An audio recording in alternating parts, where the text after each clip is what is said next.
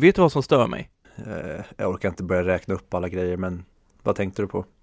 Du vet den här klassiska scenen i nästan alla actionfilmer från, ja, i alla fall 90 och tidigt 00-tal. När, i slutet när polisen ska komma in och arrestera the bad guy. Så har the bad guy en gissla framför sig. Så han står alltså bakom en, person och har pistolen riktad mot huvudet mot den här gisslan. Och båda två kollar Mm. åt samma håll, gisslan och the bad guy. Du vet vad för typ av scen som jag pratar om då? Mm. Ja, och sen så blir det så här snack. Poliserna står ju alltså ute i det öppna, riktade med pistolen mot och ser åt så här Let her go! Eller Let him go!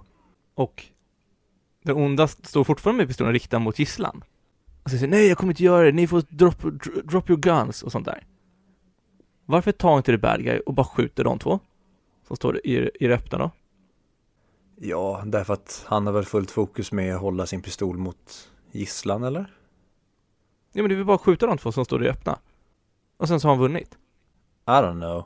Det är ju en bristande logik i alla filmer. Varför gör man inte bara det? Fast ska du gå in på den, det spåret, då är vi illa ute med många filmer. Ja, men just den scenen, det är alltid likadant.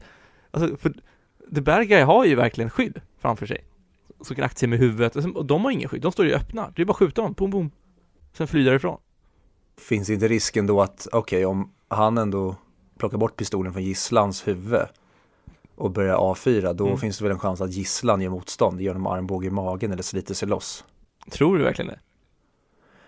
Men alltså, jag, det scenariot är svårt att sätta sig in i. Jag, alltså, om man ska poka hole på din poka hole-teori. Jo, jo, men det, det där har ju, det, det där kan ju omöjligt ha hänt i verkligheten, att de står så öppet bara. Släpp gisslan så står man där med pistolen. Nej! Ni får Nej. släppa era vapnen. Eller? De har ju redan skjutit. Du står ju med, med pistolen mot gisslans huvud, riktar av fram, skjuter, sen tillbaka. Ja, du får väl, börja, du får väl regissera en sån scen då och knäppa alla på näsan. Kul respons. Ja, Jag vet inte, alltså jag håller ju med dig till en viss punkt men det är svårt också att gå in på den typen av logik i filmer. För det är som David Fincher, jag kommer inte ihåg nu just exemplet, men det, han har just dragit den här när typ någon ska rigga en viss scen och så säger personen men så där går det inte till på riktigt. Och då svarade han men jag skiter i hur det går till på riktigt. Vad funkar bäst för det vi ska filma? Vad, ser, vad är mest funktionellt i filmen? Sen skiter jag i om det inte är så här det går till på riktigt. Alltså man vill skapa en, man vill skapa en eh, illusion av någonting som publiken ska köpa. Det behöver inte vara exakt enligt hur det skulle gå till på riktigt. Jo men ill- illusionen förstörs ju om det blir för ologiskt. Ja, absolut, men eh, ja, Det är skillnad när det försöker vara en seriös film och det inte försöker vara en seriös film och vad det är som är, inte är riktigt. Det känns ju verkligen som att du och jag kommer in på helt olika moods till den här diskussionen. ja, men måste ju, man måste ju vara motvalls ibland, även fast jag kanske skulle, jag står mer i ditt läger än vad det låter som. Så vill man ju ändå kanske argumentera emot. Ja, ska vi bara köra introt här? Roll!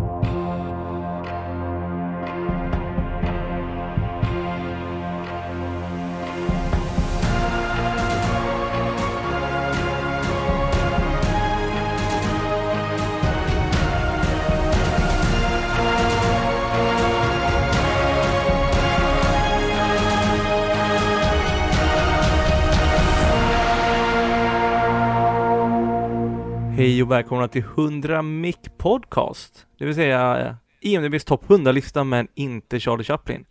Och det är alltså vi som, ja, går igenom IMDBs topp 100-lista. I alla fall så som det var när vi började. Och diskuterar varje film. Nerifrån, uppåt.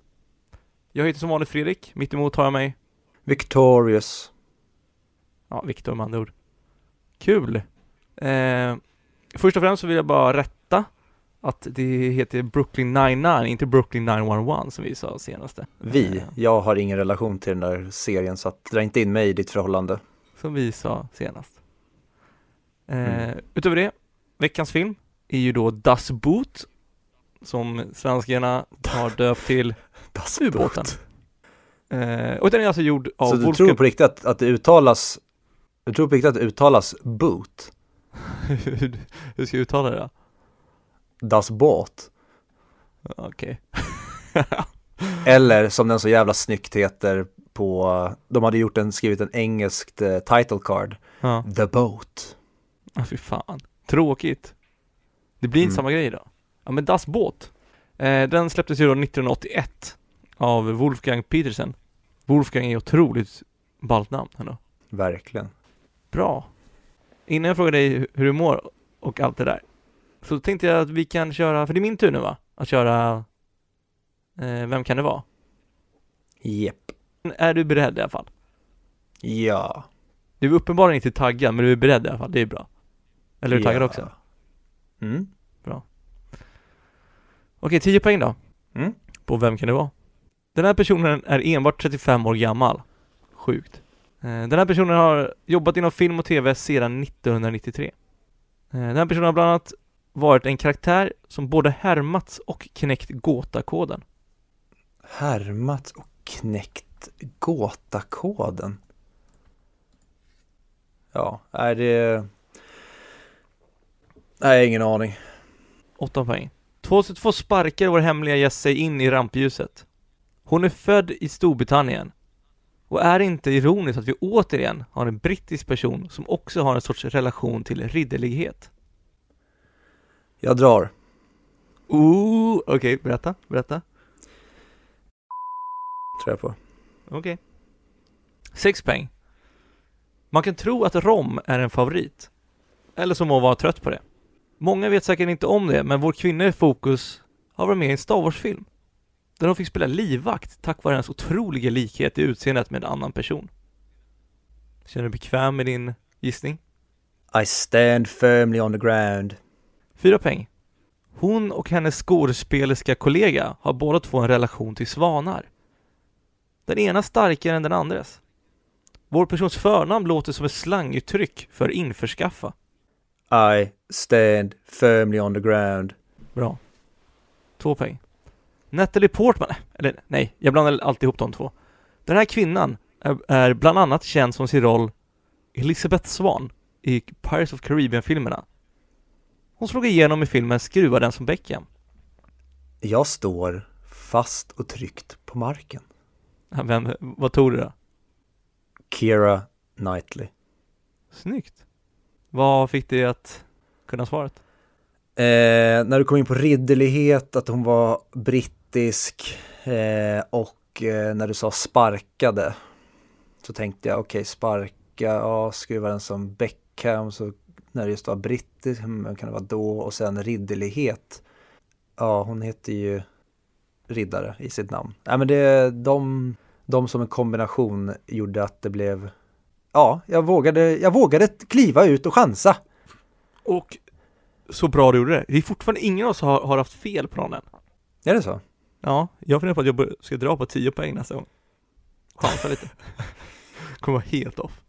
Eh, men om jag snabbt bara går igenom ledtrådarna. Första var ju 35 år gammal. Sjukt menar jag att det känns verkligen inte som att hon är 35 år gammal. Det hon känns mycket, mycket äldre. Känns som hon har varit med hur länge som helst. Och hon, har- hon har då spelat en karaktär som både härmats och knäckt gåtakoden. Kan du den? Nej. Imitation Game med bland annat Benedict Cumberbatch och henne. Därav härmat Imitation Game. Och knäckt gåtakoden. De var ju med och knäckte Enigma-koden. Och Enigma betyder ju gåta. Sjukt, jag var faktiskt inne på uh, Imitation Game där men eh, jag vågar inte dra för att jag eh, tänkte att äh, det här kan vara någonting annat. Du kan lika gärna koppla det här till typ någon som har spelat The Riddler och så kan det sluta med att, man, att det är Jim Carrey fast Jim Carrey var, det var bara Mm. för luddigt. Men jag var inne lite på Imitation Game faktiskt. Ja men det är snyggt. Jag tänkte att man kan ha rätt på den här men det är svårt för man vet inte att det är en tjej heller här. Nej. Eh, men på 8 poäng, så 2002 så var ju då Skruvarna som Beckham. Och ja, eh, ironiskt att vi har en till person med koppling till ridderlighet, som du sa, Knightley. Mm. Man kan ta att Rom är favorit, alltså Pirates of Caribbean. Att de var med och var pirat. Och jag visste, jag visste inte om det, men det är hon som spelar livvakten i Star Wars-filmen, i Phantom Menace. Mm. Eftersom hon, är så, hon var så pass lik. Hade ingen aning om. Och båda två har ju relation till svanar. Visst är det Natalie Portman som var med i Black Swan? Japp. Och hon heter ju Elizabeth Swan i Pirates of Caribbean, alltså Keira Knightley. Och Mm. Kira låter ju som ett slanguttryck för in, införskaffa, alltså kirra. Nej.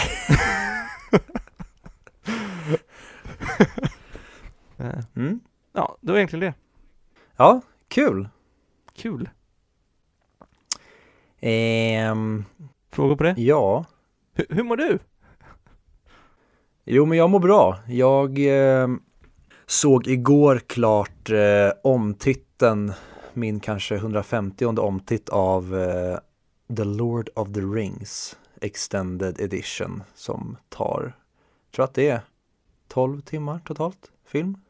Så att jag är mätt och belåten, minst sagt. Men eh, ja, jag tänkte egentligen fråga dig hur du mår, men jag skiter i det för att eh, det som jag kom att tänka på när jag satt och kollade på Sagan om ringen som jag sen skulle vilja bolla med dig för att jag kom själv inte på någonting här. Eh, nämligen att jag kan inte komma på en enda bra fantasyfilm eller fantasyfilmserie som är i samma anda som Sagan om ringen, alltså svärd och rustningar. Med liksom goblins och sånt. Det här är ju jättesvårt för mig när jag inte fick förbereda mig.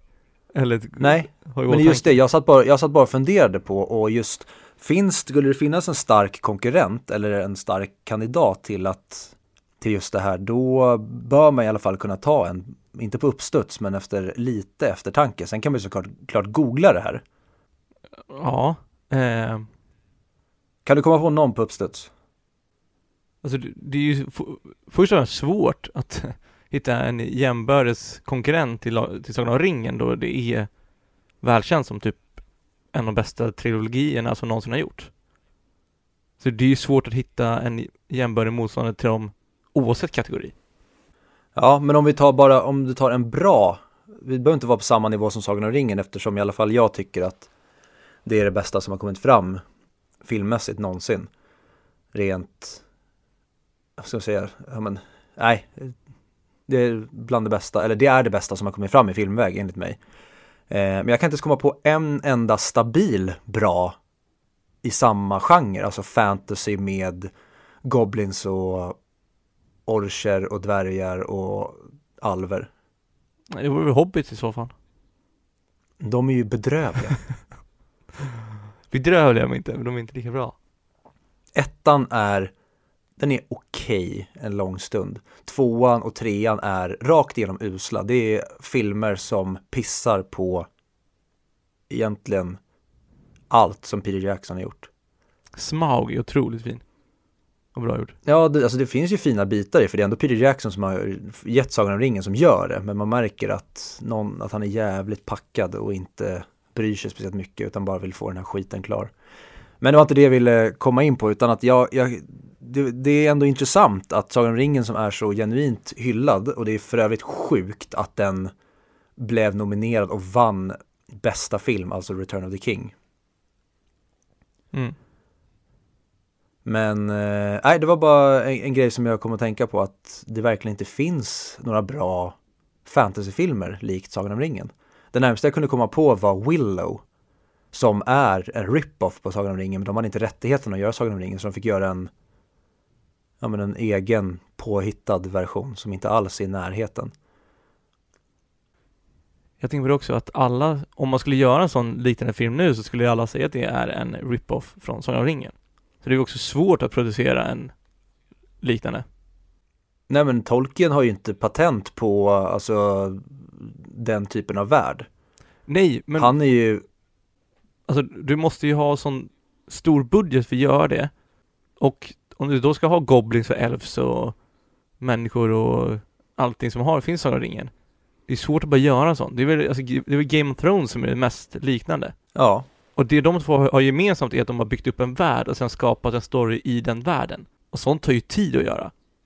Men vad annars finns det? Det finns ju Eragon-böckerna, men den filmen var ju bedrövlig. Mm. Jo men böck, böcker finns det ju många alltså, exempel på. Ja. Men film, filmer, det finns ingen filmatisering som ens är stabil som jag kan komma på. Nej men de, de tycker väl att marknaden är mättnad. Att eh, det finns inte utrymme för att skapa, för att lägga ner en sån stor satsning på en sån film. För jag tänker, jag, Sagan om ringen hade inte varit så bra om det var en film heller. Nej, alltså det hade ju inte gått. Exakt. Så det går inte göra en film, då måste man ju satsa på tre filmer. Ja men det har ju inget, det har ju med berättelsen att göra, det är ingenting med själva konceptet och vad det är för genre. Nej men det är väl den tid du har att berätta en sån berättelse. Det, alltså, det kan vara det som är problemet också, att en film inte är tillräcklig för att göra den så pass bra. Nej, alltså hade du gjort Alltså det, det beror på längden och magnituden av berättelsen. Du kan göra den mer småskalig men den kan utspelas i samma universum. Du kan göra liksom ett courtroom drama i en sån typ av värld som har en ganska tydlig och enkel premiss om man ska, vara så krass. Så jag tycker inte det har att göra med att du, du måste ha en viss tid att etablera skiten utan det har att göra med hur bra du etablerar det och att du har en bra story i en sån här typ av värld. Men någonstans måste det ju dra sin gräns på vilken, på den kortaste möjliga tiden för att göra en så pass bra berättelse. Och då hävdar jag att det räcker inte med två timmar. Du måste ha fyra, fem. Men det är ingenting med det att göra, det har att göra med berättelsen. Alltså hur Jo, jo, kort men- kan du berätta en berättelse Men på? det finns ju alltid någon sorts tidsbegränsning. Du kan inte ta en fem minuters filmsekvens och göra lika bra. Men kan du ta en tio minuters?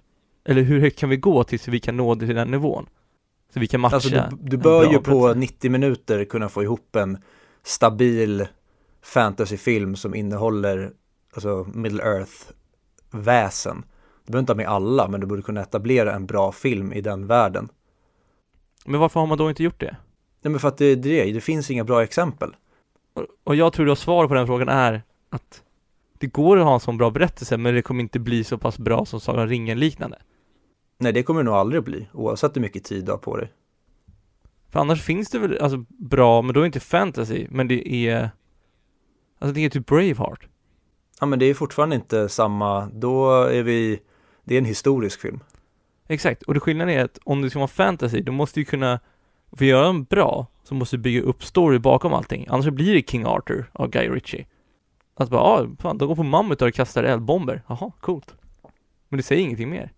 Jag tror att de gick på mammutar och kastade någonting. Jag kommer inte ihåg exakt. Men hade man fått tid på sig att bygga upp och förklara världen, så hade man kunnat bygga storyn i världen på ett mycket, mycket bättre sätt tror jag. Men om du tar Sagan om ringen, den etablerar ju världen på, vad är introt? 10 minuter när de etablerar hela backstoryn. Ja, alltså Det beror på, alltså etablerat, de presenterar världen skulle jag säga snarare Världen blir mer och mer etablerad ju längre filmen går, då får man mer förståelse för hur, hur det är där Jo, men du har ju fortfarande starten på alla filmer, det är där du ska etablera vad är det här för typ av värld, vad är det för typ av ton, vad är det för typ av premiss vi börjar med. Och sen så får du bygga vidare på den, men där, redan där måste jag ha fångat publiken och ha alltså, satt att det är det här, här är spelreglerna för det vi kommer berätta nu. ja, men om jag hade förklarat Sagan om ringen-världen så jag, jag hade inte återberättat början på, på första Sagan om ringen då. Nej, men det är det filmen gör. Jo, exakt. Och det är det jag menar med att det är, inte- det är inte där som Sagan om ringen får sin etablering i världen. Där, som jag sa innan, det är då den presenteras Även om det är att, ja, vi menar ju typ samma sak, men det- jag menar är att det är ju resten av filmen som man verkligen får en förståelse av världen, även om den etableras eller presenteras i början. Så får man förståelsen av världen i och med filmen. Så första filmen är väldigt småskalig, då, då får man ju följa det här till Fellowship. Och sen så slutar det med att det är hundratusen Urukai, eller orker som attackerar typ den största borgen de har i hela Middle Earth. Så man får följa från det småskala till det stora. Och man får följa fler olika karaktärer så man verkligen får att det här är en stor värld-känslan. Och då tror jag att det krävs tid. Det, ettan är ju absolut inte små, småskalig. Den är ju mindre än vad Return of the King är, men det är fortfarande en stor bombastisk, alltså du, du smäller ju på med granaterna från början. Och det spelar ju ingen roll, har inte du etablerat en bra värld i början av filmen, då, du kan ju inte sitta och förvänta att efter en timme och 45 minuter ska titta med på, ah okej, nu köper jag att hur allting är uppbyggt här. För tidigare så att jag var skeptisk, utan du måste ju lägga den här trovärdigheten från egentligen bildruta ett. Jo men det finns ju kä- känslomässig etablering till världen också som de bygger upp. Eller, eller vad menar du att resten av filmen gör? Okej, fem minuter de etablerar, sen älskar man filmen. Och, och känner att den här världen är, vill jag leva i. Eller vad händer resten av filmen menar du då? Om det inte är en vidare etablering av världen. Alltså du fortsätter ju spela på det kortet. Och det är där du kan trampa snett och allting kan gå åt helvete. Men du är fortfarande, det viktigaste är att du etablerar det från början. Att vi är med på tåget från början. Sen får ni ta med oss vidare på resan under alltså fortsättningen av filmen. Men har du inte fått med oss från början, då spelar det ingen roll hur du jobbar efter. Eller då kommer jag i alla fall inte komma upp i samma nivå som Sagan om ringen. Men min poäng är att du, bör, alltså du, du kan etablera en, den här typen av värld tidigt och inte behöva göra det till 12 timmar film för att vi ska vara med på hela resan, utan du borde kunna göra det på 90 minuter, två timmar och få ihop en bra story i ett fantasy-universum. Alltså, jag skulle snarare säga att Sagan ringen sätter premissen i början, snarare än att etablera världen. Okej, det här utgår vi ifrån. Bra, följ med på den här resan. Så får ni se vilken värld vi är i. Den gör ju båda två. Ja, jag håller inte med där riktigt. Alltså, Nej men den gör det, för den visar kartan och den visar det här, det här hände. jo men, alltså det, det är inte att du visar kartan och sen förstår du världen. Du förstår inte, alltså, bara för att se en bild på hur Kina ser ut så förstår du inte hur Kina fungerar. Nej men de visar ju alltså hur världen är uppbyggd. Sen visar de, det här är det som har skett fram tills när vi landar i Fylke hos Frodo. Jo, Och men då det är så ju, etablerar de vad det är som, alltså det här är den typen av värld som vi nu kommer befinna oss i i den här filmen. jo men du får ju noll koll på kulturer och liknande. Du, du vet ju bara premissen, det här har hänt, de har slagit mot den här, eh, här bor de, här, ish bor de.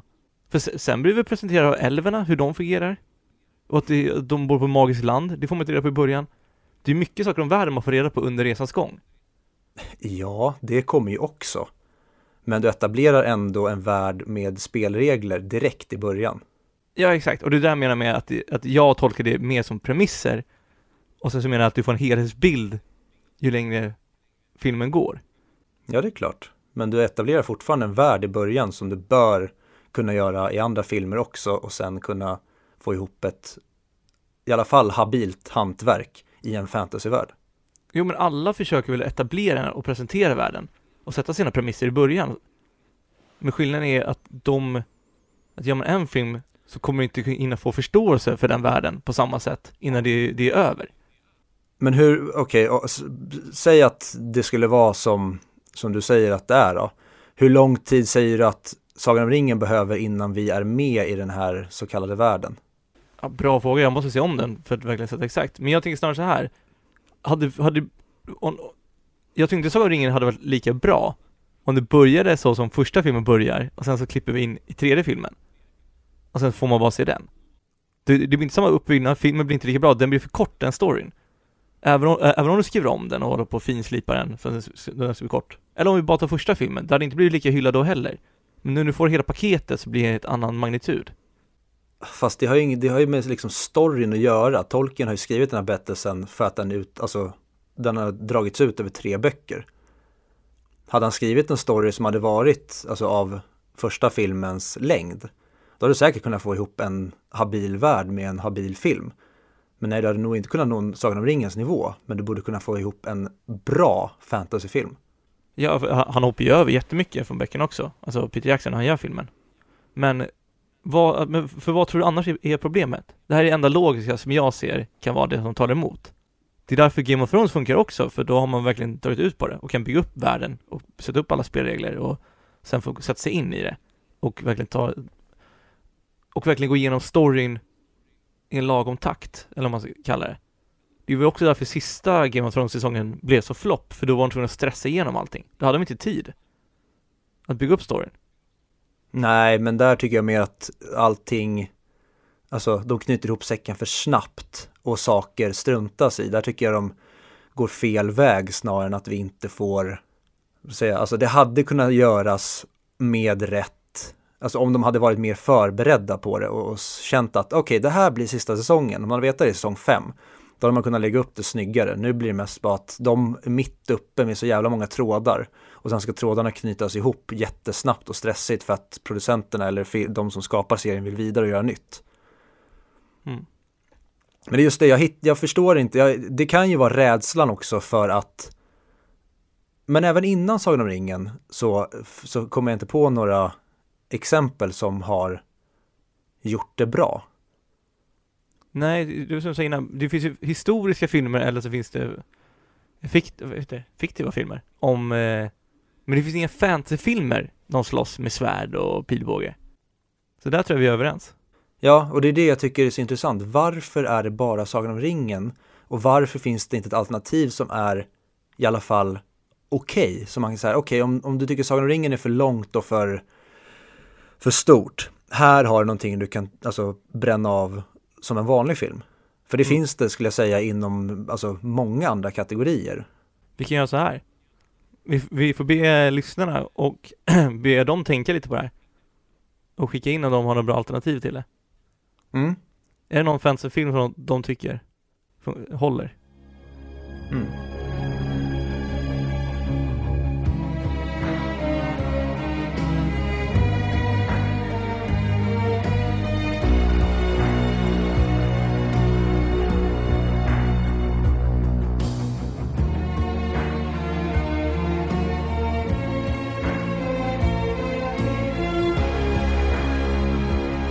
Okej, Viktor. Då är vi framme vid Das Boot. Mm. Veckans film. 1981 kom den ut. Om ni inte har sett den än, finns på Netflix. Den är i alla fall gjord av Wolfgang Petersen. Och ja, vi var inne och pratade lite om han också. Han har gjort Troja. Han hade gjort eh, Air Force One. Har du sett den? Ja, för väldigt länge sedan. Mm, en gammal klassiker. Eh, och även eh, Poseidon tror jag den senaste han har gjort i Hollywood-vägar. Kan det stämma? Den har jag däremot inte sett tror jag. Har du sett Poseidon? Nej, en film som jag däremot har sett och sett väldigt många gånger som han följde upp Das Båt med är ju The Neverending Story. Har du sett den? Eh, nej, jag tror inte det. Kanske den är lite, men ingenting som jag minns. Men det är en bra låt till den. Där på tal om eh, fantasyfilmer. Jag har ju för sig inte sett den på ett par år men den gick på repeat hemma hos mig när jag var liten och jag tror låten har, ja, jag tror garanterat att alla har hört den. Vi klipper in den här emellan.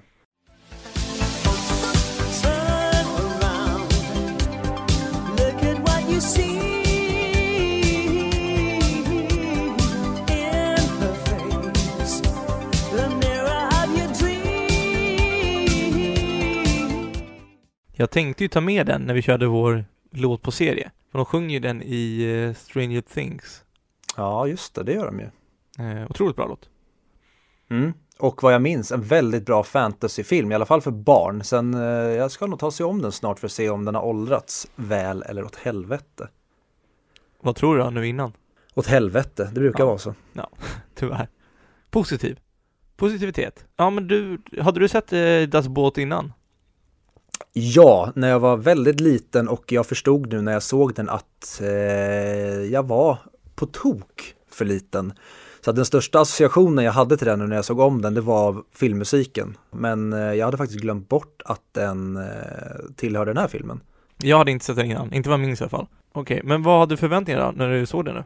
Jag hade förväntat mig att den här filmen var tre och en halv timme lång för att min pappa som är ett jättestort fan av den här filmen eh, sa att den var det. Men så såg jag att eh, den versionen som i alla fall är på Netflix var bara två och en halv timme. Men jag kände att det här skulle bli långt och vi skulle få spendera mycket, mycket, mycket, mycket tid under ytan i trånga utrymmen och eh, om jag fick det som jag förväntade mig, det återstår att se.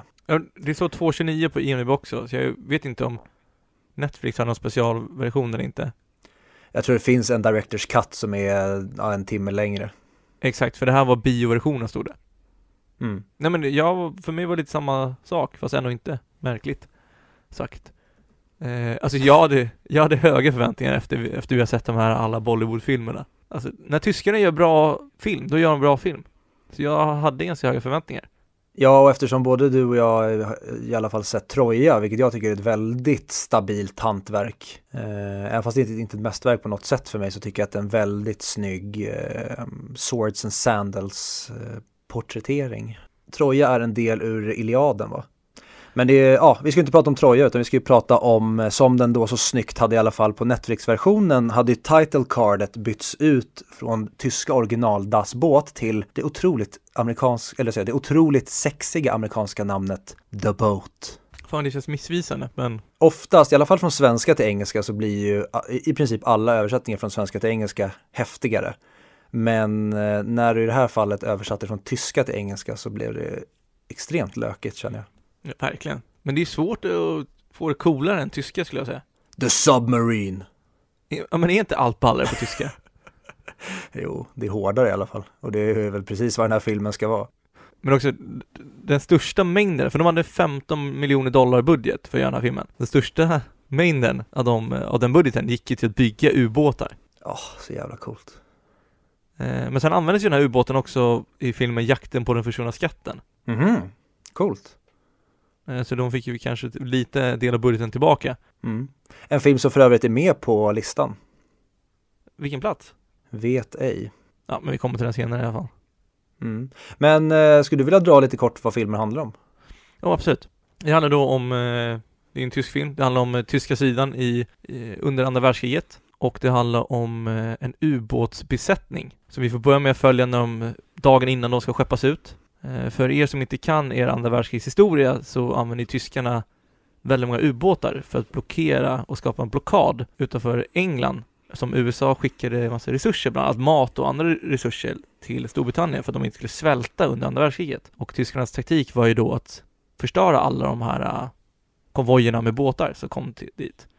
Och vi får alltså följa då besättningen i en sån här ubåt på deras resa ut på Atlanten för att försöka leta upp och förstöra sådana här konvojer. Eh, och samtidigt så är vi i den här perioden där de här konvojerna har sjunkit så många gånger så att eh, om det är amerikanska eller brittiska jägarfartyg är jag osäker på, men de har börjat patrullera de här konvojerna, vilket gör det till mycket, mycket större risk för de här ubåtarna att attackera dem.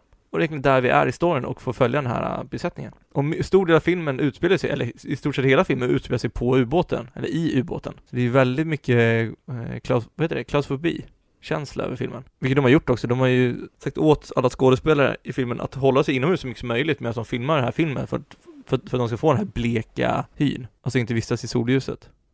Älskar sån typ, sån typ av filmskapande där man ber de som är inblandade leva utifrån premissen på filmen. Så att de eh, ska kännas så verklighetstrogna som möjligt. Så lite skådespel som möjligt behövs eftersom i det här fallet då skådespelarna försöker leva rollen. Ja, exakt.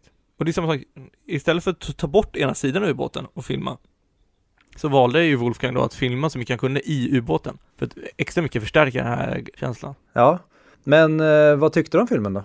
Jag tycker att den var stabil. De hade, jag, jag har ju mycket förbättringsmöjligheter för att göra filmen otroligt bra. Men jag tycker den var stabil. Jag tycker den var bra. Och jag vet inte om det är för att filmen innan var kanske den sämsta filmen jag har sett på länge. Så det blir ju så. Hade vi sett en jättebra film innan så kanske den hade sjunkit. Men just nu tycker jag den är bra och jag är ju... Det ska bli kul att di- diskutera med dig. Mm. Vad tycker du? Och jag kan eh, hålla med. Jag vet inte om det berodde så mycket på att vi hade sett eh, Three Idiots nyligen, för jag har sett några filmer emellan där också. Men det var så otroligt skönt att se en stabil film med ett otroligt hantverk. Mm. För det är ju verkligen otroligt imponerad av eh, själva, vad kallas det, scenerna? Alltså det är viktigt. Sceneriet. Ja, vad kallas specialeffekter och, exakt, sceneriet. Ja, det, den är, och det är jag, mycket sånt här jag vurmar för. Jag är så otroligt allergisk mot eh, specialeffekter eller framförallt eh, CGI, alltså datagjorda effekter och green screens. Mm. Sånt kräks jag på och det är därför jag är så glad för att den här nya tekniken som Mandalorian använder sig av har kommit för att den eh, verkligen tar CGI till en ny nivå. Men det är så otroligt mycket miniatyrer och praktiska effekter i Das Boat som jag går igång på som fan. Mm, verkligen. Med tanke på att det kom ut 1981 sa vi va? Så är det otroligt bra gjort tycker jag. Ja, den är riktigt, riktigt imponerande. Den är så jävla snygg och de får verkligen ubåten att kännas som deras fort. Men också, det kan ju vara därför, för den här filmen slog ju rekord för antal Oscar-nomineringar för en utländsk film. Eh, för de, de fick sex stycken. Och, och efter det så är det bara två filmer som har slagit det rekordet. Och det är alltså Livet är underbart och Crouching Tiger, Hidden Dragon. Mm. Tyvärr så vann den ju ingen. Nej. Men eh, om vi ska gå in på lite djupare på filmen. När vi ändå pratar om öppningar och etablera världar och sånt, hur tycker du att filmen börjar? Den börjar väldigt bra tycker jag just med den här festen och att de visar besättningen vad det här är för typ av karaktärer. Bara supa skallen i bitar, klackarna i taket för att vi vet att snart ska vi skickas ut på ett mer eller mindre ofrivilligt suicide mission som vi förmodligen inte kommer återvända ifrån så vi bara gör det bästa av det sista innan det är dags att åka ut och förmodligen möta sin död. Exakt, och det visar de ju så fint med de gamla rävarna som är där. De rutinerade. Bland annat han, eh, han som är dunderpackad. Jag kommer inte ihåg vad han heter. Han är ju kapten på en annan båt. Men på han så märker man det. Han är inte lycklig över det här. Och jag fick lite Band of Brothers-vibbar där. Det är någon som blir få en medalj för att de har gjort någonting bra, men egentligen har de liksom tappat hälften av sina vänner ute i ett blodigt krig som för dem känns väldigt onödigt. Och de ska ut och slita där och ha fruktansvärda förhållanden. När som helst kan han, jag vill inte gå in på jag hade inte kunnat klara mig på en ubåt. Att inte ha den här kontrollen. Att gå någonting, bli ett hål i ubåten du är under, ja vad gör man då? Man tänker kanske, ja men jag kan simma upp, nej, det kommer du inte hinna. Plus trycket under vatten. Och men bara när, när det börjar brinna på ubåten, jag vet inte hur mycket syre de har i en sån ubåt, men jag kan tänka mig att en eld slukar den syren de har otroligt snabbt och skickar ut de här giftiga gaserna. Så bara en liten eld kan ju göra hur stor skala som helst och det tänker man inte på. Jag gillar hur de tacklar den delen, att de inte glömmer bort koldioxidhalterna. Att de just tänker på dem och pratar om dem och hanterar dem. För att annars hade man kunnat lätt ignorera det faktumet att vi har ju bara ett visst, alltså vi, det är begränsat med syre på den här båten. Efter första scenen när man får en presentation av, av karaktärerna, man får en överblick, de unga som superskallen av sig för de vet att ah, jag kanske dör snart. Nej men sen åker de ut i vattnet och det är den här klassiska kaptenen som älskar sin båt. Jag tycker det är lite härligt ändå. Och sen så testar de ju båten, de åker ut, det är fortfarande inte riktigt på allvar. Eh, värt att nämna är ju den här journalisten också som frivilligt åker med för att skriva hur det är att vara på en ubåt. Mm. Och där han tycker jag gör väldigt, väldigt mycket för han blir ju den som vi ser filmen igenom, lite som Harry Potter. I Harry Potter, han slängs in i en magisk värld och får lära sig allt från början. Och då blir vi hans ögon i filmen, att vi får också lära oss allt från början. Precis så är det med journalisten i den här. Att vi upptäcker allting genom journalisten. Det är hans intryck och introduktion som gör att vi får lära oss hur det går till på den här båten och i den här situationen. Och jag, jag tycker att han är väldigt lagom. Det blir inte för mycket. Eh, det är som, har du sett Generation Kill? Nej. För det är liknande, då har de också en journalist med sig eh, som har liknande roll. Nej men sen åker de ut i vattnet. Och det tar ju ett tag in, innan vi får se första, för det är lite De har lite sporadiska tidshopp som de nämner svagt. Och jag tycker det är skönt att de inte slänger upp en tydlig text två år senare. De har ju den här subtila skäggväxten till exempel. Som indikerar på att de har varit där ett tag. Mm. Och jag, som du säger, jag älskar när filmskapare inte dumförklarar åskådaren utan att vi behöver inte berätta för er exakt hur lång tid det har gått. Det får ni förstå själva genom att det vi presenterar nu, som du säger. Bara genom skäggväxten så kan vi förstå att ah, okej, det har passerat en tid nu. Sen kanske det är oklart exakt hur lång tid, men vi i alla fall får lära oss att okej, de kommer inte trycka in i vårt ansikte exakt om det gått sex månader eller ett år eller vad det nu har gått. Men eh, om vi gör så här då, för att inte hålla för långdraget. Eh, har, har du någon favoritscen eller någon dialog som du tycker om från filmen? Eh, jag tycker väldigt mycket om eh, den relationen som blir mellan eh, journalisten och den här killen som har gjort en fransyska på smällen. Och när han sen får, eh, får meddelandet om att du ska sättas i land i Gibraltar, nej, i Vigo är det. Och sen ska du smugglas därifrån. Och då ger den här killen på båten då som har gjort den här fransyskan gravid, han ger honom massa brev som han sen ska se till att den här fransyskan får. Jag gillar den stunden de har med varandra när han berättar att hon har blivit gravid och de pratar lite om vad som kan hända med henne eller vad, vad det här kan få för konsekvenser. Men att det spelar ingen hon, hon vill behålla den då. Det är en fin stund, vi får en inblick i det här. I den typen av relationer som man har fått se i flera andra filmer, att det fanns väldigt mycket Eh, när de just gick i land på olika platser så träffade många soldater, även om det var en tysk soldat så kunde han träffa en fransyska och de kunde bli förälskade och kanske mötas upp efter kriget.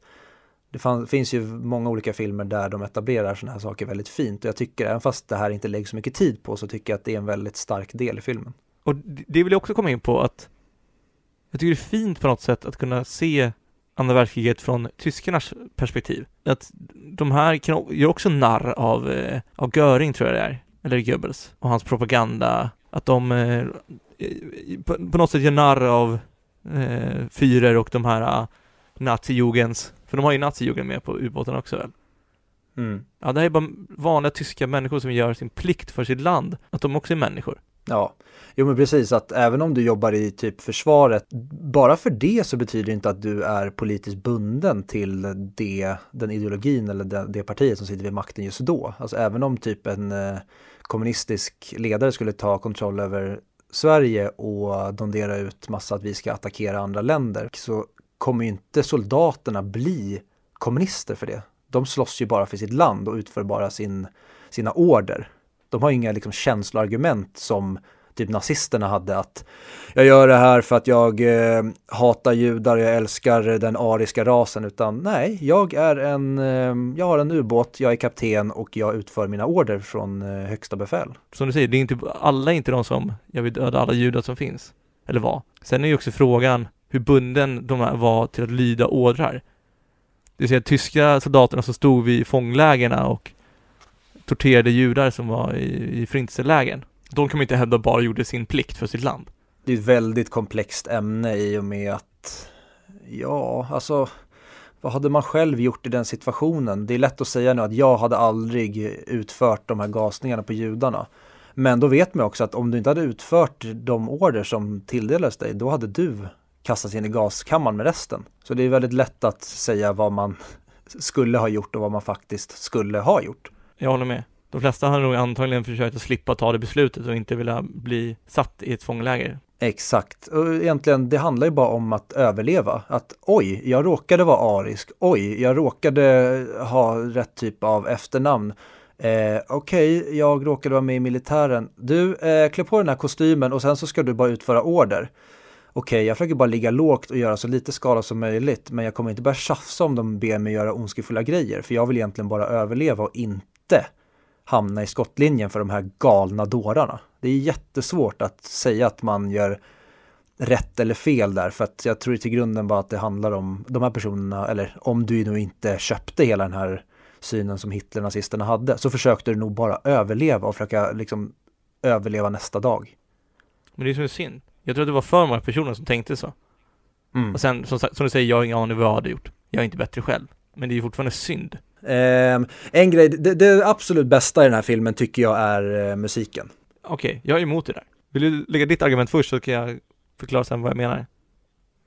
Nej, jag tycker bara att det här eh, scoret till den här filmen är ju ett, det har blivit ett klassiskt filmscore, kanske inte för eh, gemene man, men för film, alltså om man är lite mer filmnördig så har man garanterat hört det här scoret och har koll på det, för jag tycker att det är otroligt komponerat. Och det är ju skapat av Klaus Doldinger, som jag har ingen aning om att han hette det, men han har ju även gjort, till exempel musiken i Oändliga historien, alltså Neverending Story-låten som än idag spelas på radiokanalen, framförallt på vinyl. Scooter har gjort en egen version på Neverending Story. Det är min favoritvariant. Ja.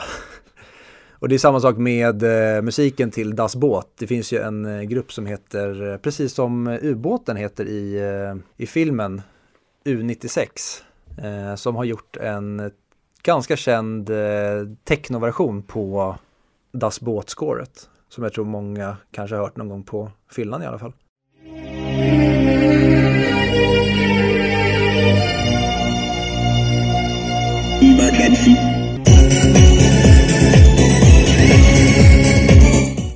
Okej, och det vill jag komma till med att, alltså vi, vi brukar ha en punkt, vad saknar filmen? Alltså vad saknar den för att bli en fullpottare? Och jag tänkte på det mycket och jag tror att det är, hade det gjorts idag så tror jag att den hade haft det. Men jag hade velat att den skulle utnytt, utnyttjat tystnaden mer i filmen. För den gör jättebra när alla står och lyssnar efter olika ljud. För att höra när torpe- torpeden träffar eller för att höra radarn eller när båten åker förbi. Men emellanåt så spelar, så spelar den upp sitt score istället för, istället för att låta det vara helt tyst. Och jag vill hell, hellre att den ska använda tystnaden för att bygga stämning i den här filmen. Det tycker jag den gör, alltså just som det som du säger att jag tycker den använder tystnaden. Du kanske vill att den ska använda tystnaden ännu mer, men jag tycker att den använder tystnaden väldigt, väldigt snyggt. Och jag, jag är inte just, alltså jag säger inte att hur de har ljudlagt och eh, lagt på musik i den här filmen är en av filmens absoluta styrkor. Jag tycker mer bara att, ja men stycket som eh, Doldinger har eh, komponerat är eh, otroligt, otroligt bra. Mm. Men det håller jag med om. Men jag vill bara att de inte, att de inte skulle utnyttja det så mycket. Mm, nej men det kan jag köpa. Släpp musiken, låt det bara vara naturliga ljud eller ing- inget ljud alls. Mm. Och en annan otrolig styrka i den här filmen, jag tycker att det mesta med den här filmen är jätte, jättebra. Eh, och jag älskar just det här med att de använder miniatyrer, att det är riktiga explosioner. Och jag älskar, älskar, älskar hur filmen avslutas. Det är så Mm. jävla rått. Att de har ändå överlevt den här otroliga händelsen med att de hamnar på havets botten. Och egentligen allting talar, talar emot att de ska kunna komma ur det här. Men de gör ändå det, kommer tillbaka till hamnen, allting ska egentligen, de har gjort sin duty för sitt land. Nej, då blir det en flygattack som typ dödar majoriteten av de som befinner sig i hamnen och sänker ubåten. Det, det känns verkligen som att det är en peak till att krig är fruktansvärt och oför, oförutsägbart. Ja, för att och det, och det, känns så, det känns så himla oskrivet för det känns som att det här, hade det här varit en amerikansk Hollywoodproduktion eh, då hade den här filmen slutat med att de kom tillbaka som hjältar och de kanske mer hade fått ja, men känslomässiga trauman, att man får se dem när de är gamla och kanske, eller att saker, deras liv efter blir jobbiga med all den här PTSD som de får. Men den här filmen är så jävla rå och som du säger, den visar råheten och oberäkneligheten med krig att ja, ni överlevde hela den här eh, två timmar och eh, 30 minuter av ren klaustrofobisk eh, pest. Men icke, ni ska sprängas av eh, flygbomber det sista vi gör innan vi säger hej då. Ja, det var väl RAF som kom där. Mm. Royal Air Force. Men, men eh, om jag ska gå till någonting som jag tycker den här filmen gör dåligt, det är att jag får aldrig den här riktiga, riktiga känslan för besättningen. Jag hade önskat att de kanske hade kunnat skalat ner det till färre karaktärer. För att jag skulle verkligen, verkligen, verkligen vilja bli mer berörd när eh, de väl dör på slutet eller när karaktärer dör eller kukar ur nere i ubåten. Och det är där jag inte känner att den når hela vägen fram och det kan ha berott på, på mig eller på min tittning men jag känner att där når den inte hela vägen fram och det är någonting jag ska klaga på. Det är kul för fyra av de här fem main characters fick man aldrig reda på namnet på. Och det, det kan ju bero på det också, för jag menar vi är ju väldigt känslomässigt lagda till namn. Mm. Jag menar, döper du, döper du ett lamm så kommer det vara mycket svårare för dig att äta det. Eh, men jag håller med, jag fick inte heller exakt den. Jag, jag fick ändå känslomässig koppling men inte så stark som jag hade hoppats på. Vad tycker du om längden på den då? Jag hade gärna velat se den här Directors Cut-versionen som är en timme till och jag tror att hade man sett den versionen då tror jag att den korta versionen som du och jag såg på Netflix hade blivit ännu bättre för då tror jag att man hade känt att den, är en, den har klippt bort mycket fett som är helt onödigt. Men nej, jag vet inte, jag tycker att eh, den typ i alla fall, de hade säkert kunnat klippa bort en halvtimme av den här filmen och gjort den tajtare och fått ett högre tempo. Men jag tror inte det är det filmen vill berätta. Den vill ju också visa för oss att det är väldigt segt och tråkigt att det är inte glamoröst för fem jävla öre att befinna dig på den här krigsbåten. Utan det ska vara kallt, trångt, skitigt, dagarna är långa, det händer inte mycket. Men när det väl händer då smäller det utav bara helvete under kortare perioder. Mm. Men det finns ju en Directors Cut ute, det är, men de har gjort det till miniserie. För Directors Cut är tre timmar och 26 minuter. Mm. Men det är det. Jag tycker verkligen om den här filmen och därför så är jag ju sugen på att någon gång se, framförallt nu när du berättar att det finns som miniserie. Mm. Och se den här miniserien och återuppleva och, och kanske man kanske får den här känslomässiga anknytningen till karaktärerna ännu mer om man skulle se om det och framförallt se det som miniserie så att man kan dela upp det. Jag, jag hade egentligen, egentligen velat se alltså 80% av filmen, pausa, se om hela filmen och sen se slutet. Det ska jag, från och med nu så mynte jag en Billberg-koll, kallar jag för. Ja. Nu innan vi skulle börja spela in Ja. så uh, spelade jag scoret hemma när jag käkade lite mat med min kära sambo. Och då säger hon, inte, kanske inte det sjukaste jag hört, men någonting väldigt märkligt som jag tänkte du ska få göra en bedömning av här. Nämligen, hur tycker du att det jag sjunger nu passar in till det, den musiken som spelas? För det tyckte min sambo var exakt det hon hörde och det, hon tyckte att det var så här, ja, det är precis den här låten. Jag såg mamma kyssa tomten jag Tänk om våran pappa kommit då Hade gömt mig i en vrå För att titta lite på paket som någon av oss skulle få. Och då fick tomten mammas klapp och kyss. Sedan sa hon, åh vad du är bra. Alltså det här är ju så märkligt. Vad är det som händer? Vad, vad är det som försiggår? Hur kändes det där? Otroligt obehagligt. alltså karaktären har inte gjort det väl. Nej, och ändå så här, jag, jag, jag kan känna att det är även jag som skulle behöva en del eh, elchocker på något mentalsjukhus, men hon är inte helt åt helvete ute med det där. Alltså nej, och det är väl det som är det eh, märkligaste. Jag tänker, ska vi nämna lite också över att sista delen, när de ska åka genom, eh, Gibraltar. ja, ska vi bara nämna det? Eh, Alltså, för det känns som, det är så klassisk sån grej från eh, krigsfilmer.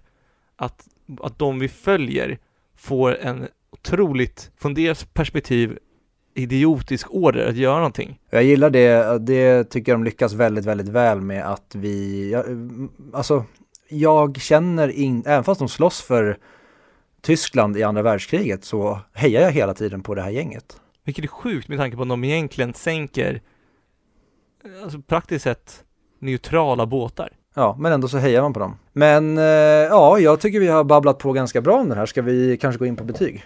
Ja, det tycker jag. Och jag tycker att du börjar. Hmm, jättesvårt. Jag har faktiskt inte landat något betyg än, men jag tror ändå att jag kommer sätta en eh, 4 av 5 på den här, alltså 8 av 10. För jag tycker att den gör väldigt, väldigt, väldigt mycket rätt. Intressant. Jag står kluven mellan 7 och 8. Ja, men det är samma för mig. Och jag känner att ser den igen så kommer det nog bli en 8 tror jag. Ja, nej, för det, det kände jag att under filmen, då var det nog en 7 Mm. Men när eftertexten började blinka förbi, då kände jag att så här, fan vilken resa man ändå varit med på. Och den här filmen har, jag tror den har gjort precis det med mig som den vill göra och då tycker jag att den verkligen, den når inte fullpoängar eftersom den har ju brister som till exempel den delen vi nämnde med att man inte får en jätte, jätte, jätte känslosam relation för besättningen. Men utöver det så tycker jag att den är otroligt bra utförd. Sk- Skulle de trimma lite mer, skapa bättre känslomässig relation och utnyttja tystnaden mer, så hade det varit definitivt 9 för mig, eventuellt en 10 till och med. Jo, men jag tycker nästan att den är hemma på IMDBs topp 250, men inte på topp 100. Garanterat topp 250, inte 101. Det, det känns för mycket som en eh, alltså klassisk 80-talsfilm. Mhm. Ja, men det är som att den har inte djupet. Otroligt snygg, otroligt välgjord. Men det saknar det här djupet, ironiskt, vi kallar det djupet när det är ubåtsfilm. Men, eh, ja, du förstår vad jag menar. Ja, vi kanske ska berätta nästa vecka, då är det ytterligare en kortfilm som vi ska prata om, nämligen bara tre timmar, eh, vad är det, skotsk frihetspropaganda, eh, nämligen eh, Braveheart. Ja, den går inte att Eh, se på någon eh, streamingtjänst genom att bara skaffa sig ett abonnemang, utan då får man hyra eller köpa den, men den finns att hyra och köpa på både via Play, SF Anytime, Rakuten TV, iTunes och Blockbuster. Så att det finns bra med alternativ, även fast du ja, billigaste alternativet är hyran på SF Anytime för 29 spänn. Ja, och medan 29 spänn, det är ganska bra timpris då. Jag betalar 10 spänn i timmen. Men eh, ja, ja, vi har säkert glömt någonting som vanligt, men ja, vi finns på sociala medier, Twitter, Facebook, Instagram och eh, ge oss gärna en recension och ett betyg på iTunes eller Acast och eh, dela gärna. Eh, men jag skulle vilja nu att vi eh, går ut till eh, U96 version av eh, Das Båt-scoret. Så det blir lite dunka-dunka. Auf Wiedersehen. Auf Wiedersehen. Techno.